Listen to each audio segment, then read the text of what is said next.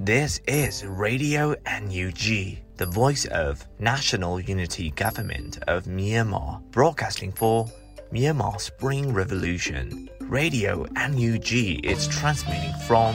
shortwave 16 meter 17.79 megahertz at 8:30 a.m. and 25 meter 11.94 megahertz at 8:30 p.m. Myanmar Standard Time. မင်္ဂလာပါခင်ဗျာ အမျိုးသားညီညွတ်ရေးအစိုးရရဲ့အတန်လွင့်ဌာန Radio NUG ကိုမနက်ပိုင်း၈နာရီခွဲမှာလိုင်းတို16မီတာစက္ကန့်တက်သမ9 MHz ညပိုင်း၈နာရီခွဲမှာလိုင်းတို25မီတာ17တက်သမ6 MHz တို့မှာဓာတ်ရိုက်ဖမ်းယူနိုင်နိုင်ပါပြီမင်္ဂလာအပေါင်းနဲ့ပြည့်စုံကြပါစေအခုချိန်ကစပြီး Radio NUG အစီအစဉ်တွေကိုဓာတ်ရိုက်အတန်လွှင့်ပေးနေပါပြီ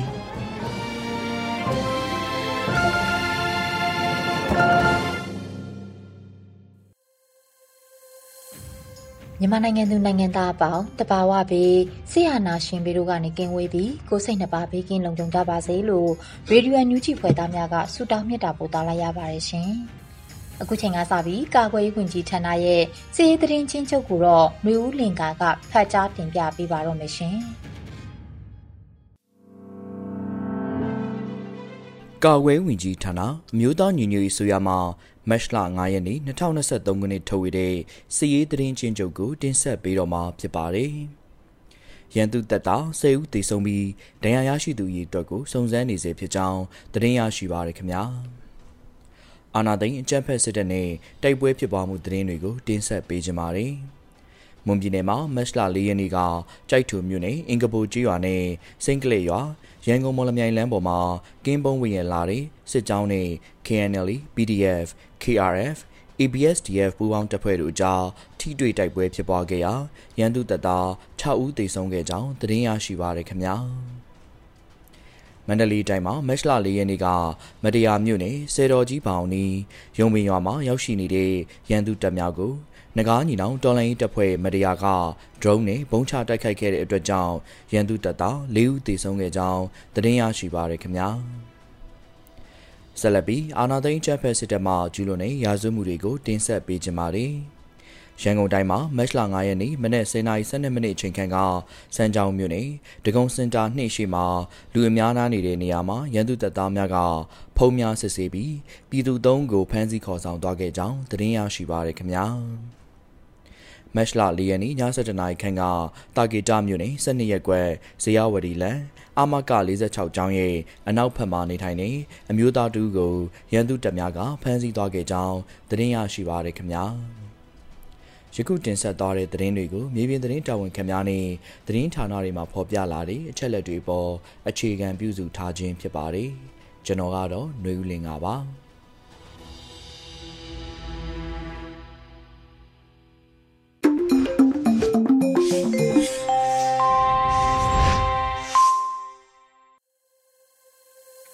ရေဒီယိုညူဂျီရဲ့မနက်ခင်းစီစဉ်လေးကိုဆက်လက်ပြီးတန်လွှင့်ပေးနေပါတယ်။အခုဆက်လက်ပြီးနောက်ဆုံးရသတင်းများကို Sodes လူနီမှဖတ်ကြားတင်ပြပေးပါမယ်ရှင်။မင်္ဂလာပါ။ခုချိန်ရစပြီးမနက်ပိုင်းပြည်တွင်းသတင်းများကိုစတင်တင်ပြပေးပါတော့မယ်။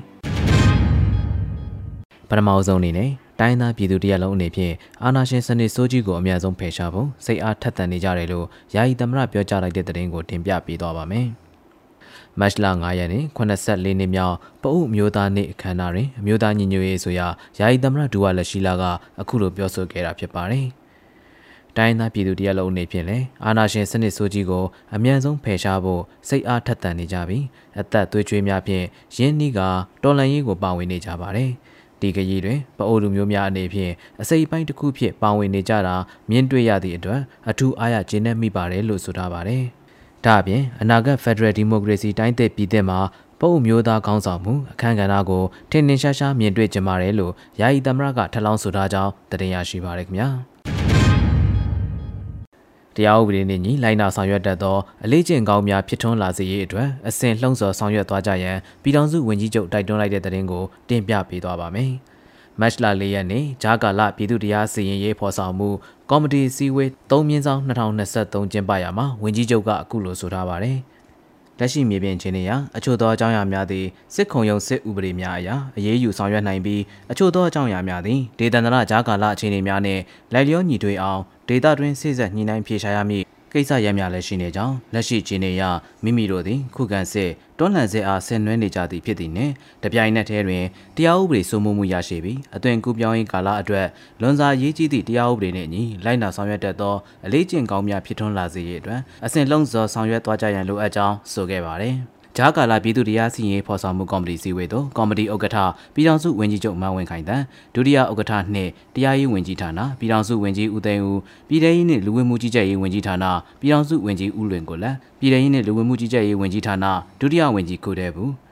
လူခွင့်ရေးဆိုင်ရာဝန်ကြီးဌာနဒုတိယဝန်ကြီးခွန်ပဟန်တန်ဖက်ဒရယ်ပြည်ထောင်စုရေးရာဝန်ကြီးဌာနဒုတိယဝန်ကြီးဦးချစ်ထွန်းနဲ့အခြားဌာနဆိုင်ရာတာဝန်ရှိသူများတက်ရောက်ခဲ့ကြကြောင်းသတင်းရရှိပါရခင်ဗျာ။ ဆက်လက်တင်ပြပေးမှာကတော့ Federal Democracy နိုင်ငံတော်တစ်ခုထူထောင်နိုင်ရန်ပြည်သူလူထုယုံကြည်လေးစားမှုနဲ့ပြည်သူလူထုအားကိုရယူ၍ဖော်ဆောင်နိုင်ပါကအောင်ပွဲမြန်ဆန်မှာဖြစ်တယ်လို့လူခွင့်ရေးဆိုင်ရာဝန်ကြီးပြောကြားလိုက်တဲ့သတင်းပဲဖြစ်ပါတယ်။ Federal Democracy နိုင်ငံတော်တစ်ခုထူထောင်နိုင်ရန်ပြည်သူလူထုယုံကြည်လေးစားမှုနဲ့ပြည်သူလူထုအားကိုရယူဖော်ဆောင်နိုင်မှာကအောင်ပွဲမှာမြန်ဆန်မှာဖြစ်တယ်လို့လူခွင့်ရေးဆိုင်ရာဝန်ကြီးဦးအောင်မျိုးမင်းကမတ်လ9ရက်နေ့အမျိုးသားညီညွတ်ရေးဆိုရာဂျာကာလာဒေသနာပြည်သူ့အုပ်ချုပ်ရေးဖော်ဆောင်မှုဘိုးကော်မတီနဲ့တနင်္သာရီတိုင်း AR တိုင်းပဲခူးတိုင်းမှာမြို့နယ်ပြည်သူ့အုပ်ချုပ်ရေးဖွဲ့များတွဲဆုံဆွေးနွေးပွဲမှာအခုလိုဆိုထားပါတယ်။ ຫນွေဦးတော်နိုင်ရေးဟာအရက်သားပြည်သူများရဲ့လူခွင့်ရေးလုံခြုံရေးတရားဥပဒေစိုးမိုးရေးကိုဝိုင်းဝန်းကာကွယ်ထိန်းသိမ်းရန်နှင့်စစ်အာဏာရှင်ကိုတွန်းလှန်နိုင်သည့်ရည်ရွယ်ချက်များပါဝင်ကြောင်းအုပ်ချုပ်မှုဒေသအတွင်းရှိအရက်သားပြည်သူများကိုကာကွယ်စောင့်ရှောက်ကြရမည်ဖြစ်ကြောင်း Federal Democracy နိုင်ငံတော်တည်တခုထူထောင်နိုင်ရန်မြို့နယ်ဒေသအသီးသီးမှအစပြုပြီးပြည်သူလူထု၏လေးစားယုံကြည်မှုနှင့်ပြည်သူလူထုအားကိုရယူ၍ဖော်ဆောင်နိုင်မည်ဆိုပါကအောင်ပွဲမြန်ဆန်နိုင်မည်ဖြစ်၍စ조사လှုပ်ဆောင်ကြရန်ဝန်ကြီးကဆိုထားပါသည်။ အဆိုပါတွေ့ဆုံပွဲသို့ပြည်ထောင်စုဝန်ကြီးများဒုတိယဝန်ကြီးများအမြဲတမ်းတွင်ဝင်များတွဲဖက်တွင်ဝင်များဌာနဆိုင်ရာမှတာဝန်ရှိသူများနဲ့တနင်္သာရီတိုင်းအေရဝတီတိုင်းပဲခူးတိုင်းမှပြည်သူ့အုပ်ချုပ်ရေးအဖွဲ့ဝင်များတက်ရောက်ခဲ့ကြကြောင်းသတင်းရရှိပါရခင်ဗျာအပြည်ပြည်ဆိုင်ရာမျိုးသမီးများနေ့အတွက်ဓာတ်ပုံကမ်ပိန်းတွင်ပါဝင်လှုပ်ရှားကြရန်ပြည်ထောင်စုဝန်ကြီးနော်ဆူဆန်နာလှလှဆိုးကတိုက်တွန်းလိုက်တဲ့သတင်းကိုဆက်လက်တင်ပြပေးသွားပါမယ်။ မတ်လ9ရက်နေ့မှာအမျိုးသမီးလူငယ်နဲ့ကလေးငယ်ရေးရာဝန်ကြီးဌာနပြည်ထောင်စုဝန်ကြီးကလူမှုကွန်ရက်မှာအခုလိုဖော်ပြထားပါတယ်။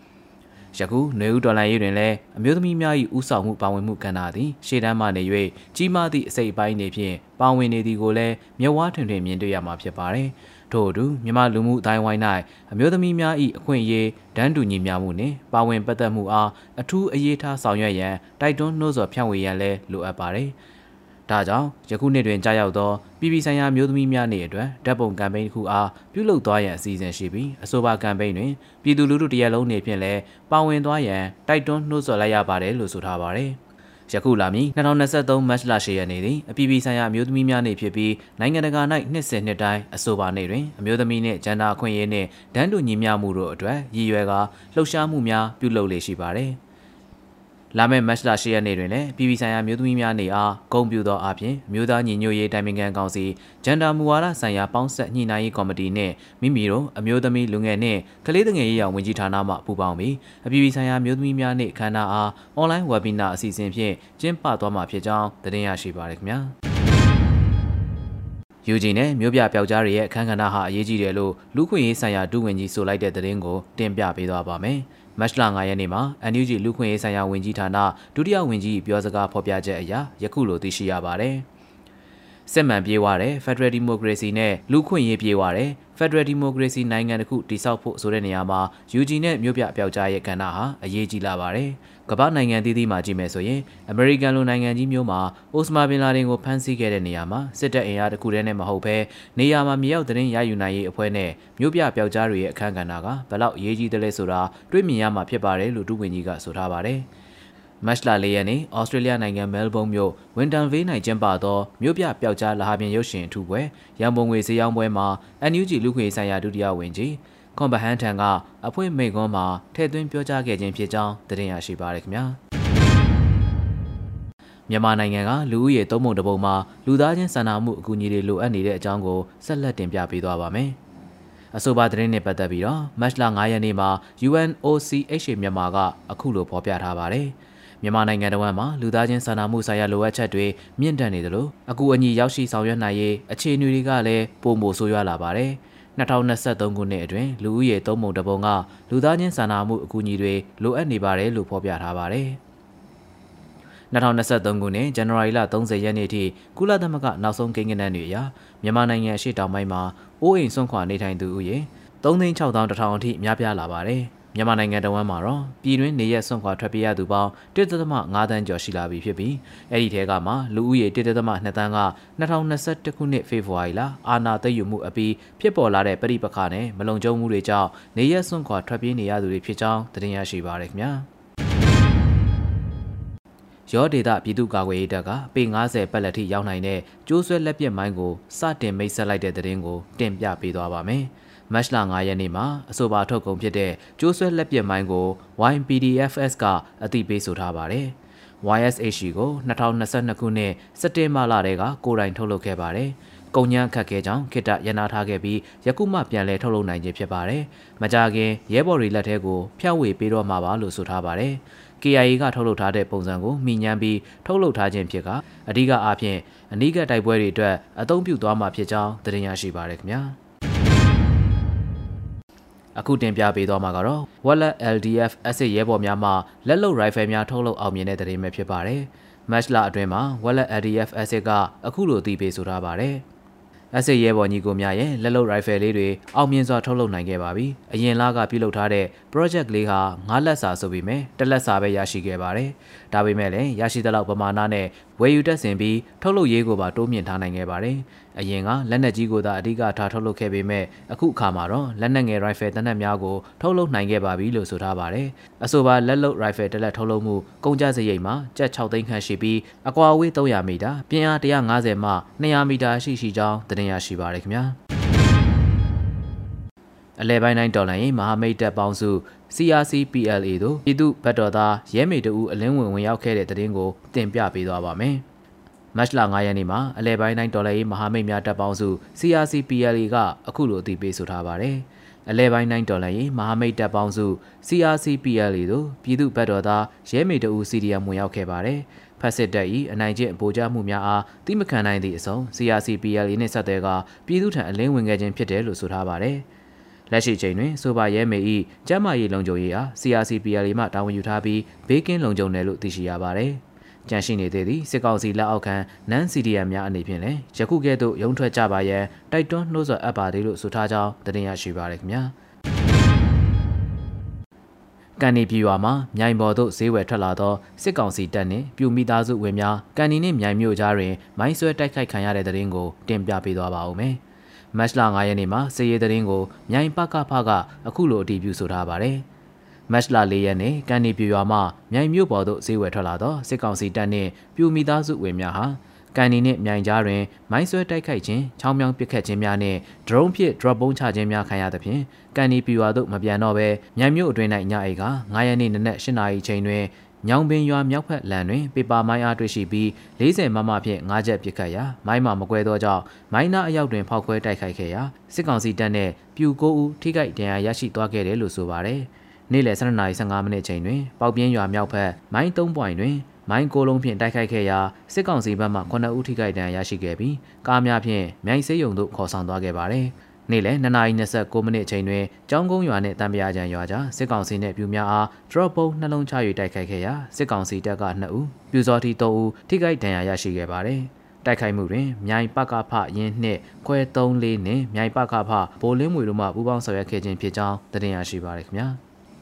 အခုတင်ပြခဲ့တဲ့သတင်းတွေကိုတော့ Radio Energy သတင်းတော့မင်းမင်းကပေးပို့ထားတာပဲဖြစ်ပါတယ်ကျွန်တော်စောတဲလူနေပါအပူရှိန်ပြင်းထန်နိုင်မှုအခြေအနေသတိပေးနှိုးဆော်ချက်2023ခုနှစ်နွေကာလအယ်နီညိုဖြစ်တန်စွမ်းခန့်မှန်းချက်တွေအရစကိုင်းတိုင်းဒေသကြီးမုံရွာမြို့မန္တလေးတိုင်းဒေသကြီးမန္တလေးမြို့မိထီလာမြို့နေပြည်တော်ပြင်မနာပကံမြို့ဟောင်းပဲခူးတိုင်းဒေသကြီးပဲခူးမြို့တောင်ကူမြို့ဖြူမြို့ပြည်မြို့ မကွေးတိုင်းဒေသကြီးမကွေးမြို့ရခိုင်ပြည်နယ်တန်တွဲမြို့နဲ့ရန်ကုန်မြို့တို့မှာမွန်လွယ်12နာရီကနေညနေ4နာရီတွင်ခရမ်းလွန်ရောင်ကြီးညွန်ကိန်မြင့်တက်လာနိုင်ကြောင်းပညာရှင်တွေကခန့်မှန်းထားပါတယ်။သို့ဖြစ်ပါ၍အထူးသဖြင့်ကလေးတငယ်တွေတက်ကြီးရွယ်အိုတွေနဲ့နာတာရှည်ယောဂသည်တွေအနေနဲ့နေအပူချိန်မြင့်တက်ချိန်တွေမှာခရမ်းလုံးရောင်ကြီးဓာတ်ရိုက်ထိတွေ့မှုတွေကရှောင်ရှားနိုင်မှုအတွက်အရေးအာဝါဒကောင်းမွန်တဲ့နေရာတွေမှာနေထိုင်ကြဖို့နဲ့ အပူချိန်မြင့်တက်လာခြင်းနဲ့ဆက်လျင်းနဲ့ဆောင်းရန်ရှောင်းရန်အချက်တွေကိုသတိပြုလိုက်နာနိုင်ကြဖို့အသိပေးတင်ပြအပ်ပါတယ်။အပူချိန်ပြင်းထန်ခြင်းပြည်သူများသတိပြုလိုက်နာဆောင်ရွက်ရန်အသိပေးပန်ကြားခြင်းအပူချိန်မြင့်မာတဲ့ကာလမှာခန္ဓာကိုယ်အပူချိန်မြင့်တက်ခြင်းခေါင်းမူခေါင်းကိုက်ခြင်းပင်မနှွမ်းနယ်ခြင်းတွေကိုခံစားရလေရှိတဲ့အတွက်ပူပြင်းတဲ့ရာသီနဲ့လိုက်လျောညီထွေနေထိုင်နိုင်မှုလိုအပ်ပါတယ်။ပြည်သူများအနေနဲ့လည်းအခုလိုအပူချိန်ပြင်းထန်ချိန်မှာ ဖော်ပြပါချက်တွေကိုသတိပြုလိုက်နာဆောင်ရွက်ကြဖို့အသိပေးပန်ကြားအပ်ပါတယ်။အရေးရပြီးအေးမြတဲ့နေရာတွေမှာနေပါ။အဆောက်အုံတွေမှာလေဝင်လေထွက်ကောင်းမွန်စေဖို့ဆောင်ရွက်ပါ။ရေများများတောက်ပါ။နေဘူးတွေကပြန်လာပြီးချက်ချင်းရေချိုးခြင်းကနေရှောင်ကျင်ပါ။အယောင်ဖြော့တဲ့ပွားပွားချောင်ချောင်ချီတဲ့တွေဝစ်စင်ပါ။အပူချိန်ပြင်းထန်တဲ့အချိန်တွေမှာကလေးတငယ်တွေတက်ကြီးရွယ်အိုတွေကိုမော်တော်ကားအတွင်အလုံးပိတ်ထားတဲ့အခန်းတွေအတွင်းမှာတအူးရဲထားခဲ့ခြင်းကနေသတိပြုရှောင်ရှားပါ။ နေ့လည်နေခင်အချိန်ဒီမှာကလေးငယ်တွေကိုအဆောက်အုံတွေရဲ့ပြင်ပနေအောင်ကြီးနဲ့ဓာတ်ရိုက်ထိတွေ့တဲ့နေရာတွေမှာလှုပ်ရှားကစားခြင်းတွေမပြုပါစေနဲ့။ပူပြင်းတဲ့နေအောင်အောက်ကနေအလွန်အေးတဲ့အခန်းနဲ့ကားအတွင်းကိုချက်ချင်းဝင်ရောက်ခြင်းအလွန်အေးတဲ့အခန်းနဲ့ကားအတွင်းကနေပူပြင်းတဲ့နေအောင်တွေကိုချက်ချင်းထွက်ခြင်းတွေကိုရှောင်ရှားပါ။ပူပြင်းခြောက်သွေ့မှုလွန်ခဲ့တာကြောင့်ဖြစ်ပေါ်တတ်တဲ့မိဘေးအန္တရာယ်ကိုသတိပြုပါ။မလိုအပ်ပဲရှည်တွေလေးလွင့်ပြုံးတိမှုမရှိစေဖို့အထူးသတိပြုဆောင်ရွက်ပါ။ ကြီးကိုက်လွယ်တဲ့တက်ကြီးရွယ်အိုတွေကလေးတငယ်တွေကိုနေ့အချိန်အပူရှိန်ပြင်းထန်တဲ့ကာလမှာပုံမထိခိုက်ခံစားရခြင်းနဲ့အသက်ဆုံးရှုံးခြင်းတွေမရှိစေဖို့ကာကွယ်စောင့်ရှောက်ပါ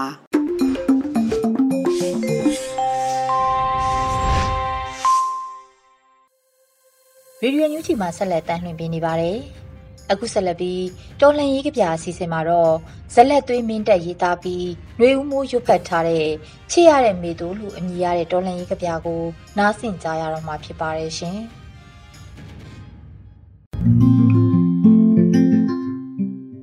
ချစ်ရတဲ့မိသူ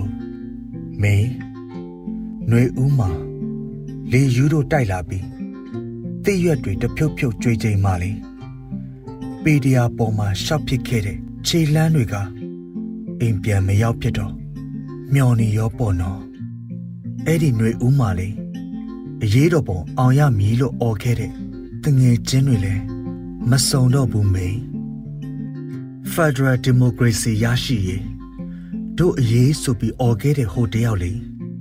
တိုက်ပွဲမှာကြာသွားပြီတဲ့မေမေတို့ဆန္ဒပြတော့ကလူတွေထဲရအောင်တိုးပြီး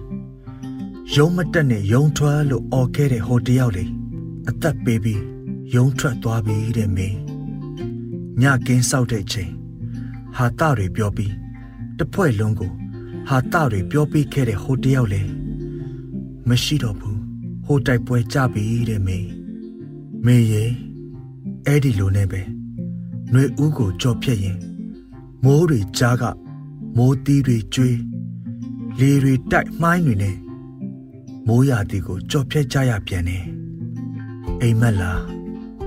စိတ်ကူးလားလက်တွေလားမသေးခွဲပဲမကြုံဘူးတဲ့အရာတွေကြုံရမကင်ဘူးတဲ့တနတ်တွေကင်နေရတော့လူရိုင်းစိတ်မဝင်မိအောင်ပြန်ထိန်နေရတယ်မင်းမိုးရီထဲမှာလေရှုံပွက်တွေကြားမှာတိုက်ပွဲကိုအနိုင်မခံအရှုံးမပေးစိတ်တက်နဲ့တိုက်ရင်ခဏနားချိန်တွေမှာ စေးလေးကလေးဖွာရင်ချမ်းလွန်းလို့တုံတုံရီရီနဲ့ဟာတတွေပြောတတ်ခဲ့တဲ့ဟိုမိတ်ဆွေလဲမရှိတော့ဘူးမေဒီတော်လန်ရေးမှလေယောက်ျားချင်းတန်ရောစင်တွေမိတ်ဆွေချင်းတန်ရောစင်တွေအချစ်တွေကလေအရင်အချစ်တွေထက်အစတရာလောက်တာတော့ကြဆုံးသွားတဲ့ရဲဘော်ရဲဘက်တွေအတွက်အယမ်းနာကျင်ခံစားရတယ်မင်းအသက်ကိုပါဆယ်ထုတ် အနာဂတ်ကိုကျိုးနဲ့တုပ်ပြီးကိုတို့လိုချင်တဲ့ပန်းနိုင်ရှောက်နေရတော့အိမ်ကိုလွမ်းနေအိမ်ကခွေးလေးအိမ်ကကြက်ကလေးတွေအစလွမ်းမိတာပေါ့မေရဲ့ကိုတို့လျှောက်ခဲ့တဲ့လမ်းကနည်းနည်းကျန်းတယ်ဟာတလည်းဆန်တယ်အနာဂတ်လည်းตายရတယ်တောက်ပနေတဲ့မီးရောင်ကိုမြင်ရဖို့အမောင်တုကိုခဏရှောင်နေကြတာပေါ့မေရဲ့မေရဲ့ စောင်းကနှင်းတွေလဲဝေးပြီးကိုတို့လက်ကလေးတွဲပြီးရှောက်ဖြစ်ကြတဲ့လမ်းတွေမှာရမ်းငွေတွေလည်းဝေးလို့ချယ်ရီပန်းတွေတောင်ဇလတ်ပန်းတွေလည်းဖူးပွင့်ဝေးစားနေကြပြီရှေ့တန်းရောက်နေတဲ့ကို့အတွက်ဆူတောင်းပေးနေရတာပင်ပန်းနေရောပုံမီရင်စစ်ပေးရှောင်ဘဝကနေစားကျင်တာမစားရဘဝနဲ့အပင်ပန်းခံပေး ဝဲကျင်ရဝဲဖို့တလတလကိုလာစာတဲကနေမဖို့အတွက်စုတက်ခဲ့ပေမဲ့ခုတော့လာစာမရတာတနှစ်ပြည့်တော့မှဆိုတော့လေအာတင်ထားပါလို့ပဲမှားလိုက်ပြရစေမေးကျင်နာခဲ့တာရင်မနာစေရပါဘူးအရေးတော်ပုံအောင်တဲ့အခါအစတိုးပြီးချစ်ပေးမယ်အစတိုးပြီးဝင်ငွေရှိအောင်စူးစမ်းကြတာပေါ့မေး အာတင်ထားခဲ့တယ်လို့ပဲဆက်ပြီးအာတင်ထားပါငါတယောက်တည်းကြုံနေရတာမဟုတ်ဘူးဆိုတဲ့အသီးနဲ့အာတင်ထားပါငါတယောက်တည်းဝင်ငွေမရှိတာမဟုတ်ဘူးဆိုတဲ့အသီးနဲ့အာတင်ထားပါငါတယောက်တည်းစစ်ပေးရှောင်နေရတာမဟုတ်ဘူးဆိုတဲ့အသီးနဲ့အာတင်ထားပါပန်းရနံ့တွေအရင်လိုမှွေးဖို့ရမ်းရနံ့တွေရှိမှရမယ်မငိမ့်ချမ်းသေးတာနဲ့ကြုံရမှငိမ့်ချမ်းတဲ့အရာတွေတွေ့ရမယ် လိုတာရှိလို့မလိုအပ်တာတွေဖြစ်လာတာအရေးတော်ပုံအောင်ရမည်ကွာအာတင်ပြီးအတူဆက်ချီကြတာပေါ့မင်းရေဇလက်သွေးမင်းတက်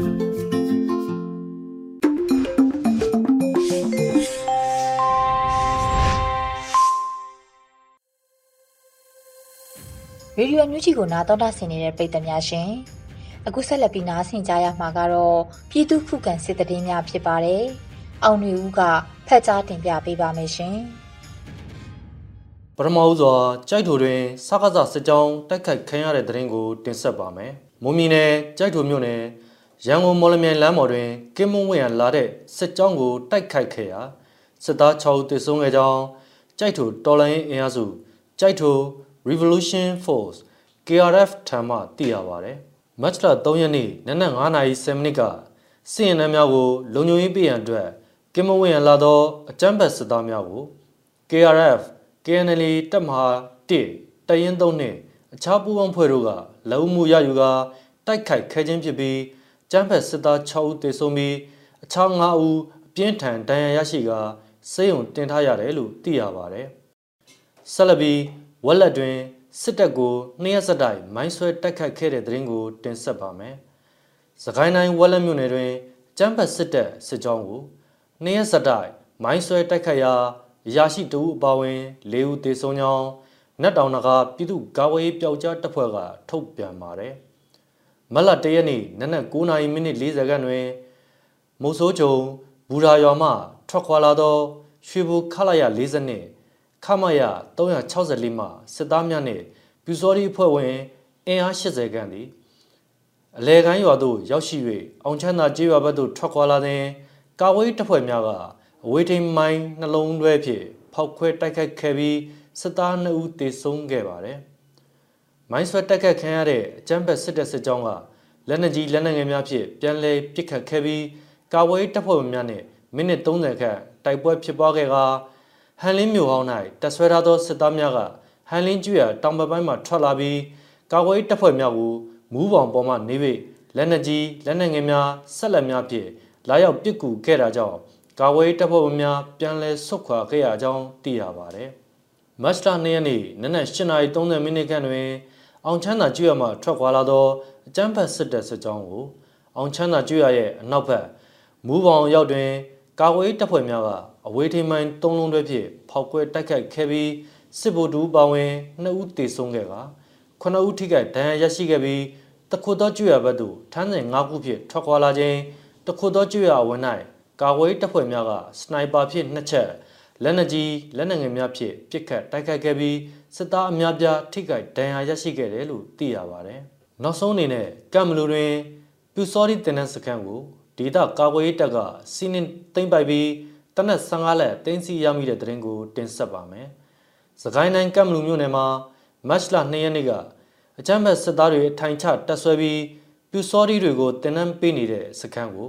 ဒေသကာကွယ်ရေးတပ်တွေကဝင်းရောက်စီးနင်းတိုက်ခိုက်သိမ်းပိုက်နိုင်ခဲ့ပြီးတနက်15လက်နဲ့အတူခရမ်းတွေပါသိမ်းဆည်းနိုင်ခဲ့တယ်လို့ကာကွယ်ရေးတပ်ဖွဲ့တွေစီကသိရပါတယ်ပြူစောတိတင်နန်းစခန်းကိုဝင်းရောက်စီးနှင်းချိန်မှာအပြန်အလှန်ပစ်ခတ်မှုတနင်္လာနီးပါးကြာဖြစ်ပွားခဲ့ပြီးပြူစောတိ40ကိုရှင်းလင်းနိုင်ခဲ့တယ်လို့တနက်15လက်နဲ့ခရမ်းတွေပါရရှိခဲ့တယ်လို့ဆိုပါတယ်ပြူစောတိစခန်းသိမ်းတိုက်ပွဲမှာတော်လိုင်းအင်အားစုတွေဘက်က တပ်ဖွဲ့ဝင်3ဦးထိခိုက်ဒဏ်ရာရရှိခဲ့တယ်လို့ဒေသခံကာကွယ်ရေးတပ်ဖွဲ့တွေစီကသိရပါတယ်ခင်ဗျာ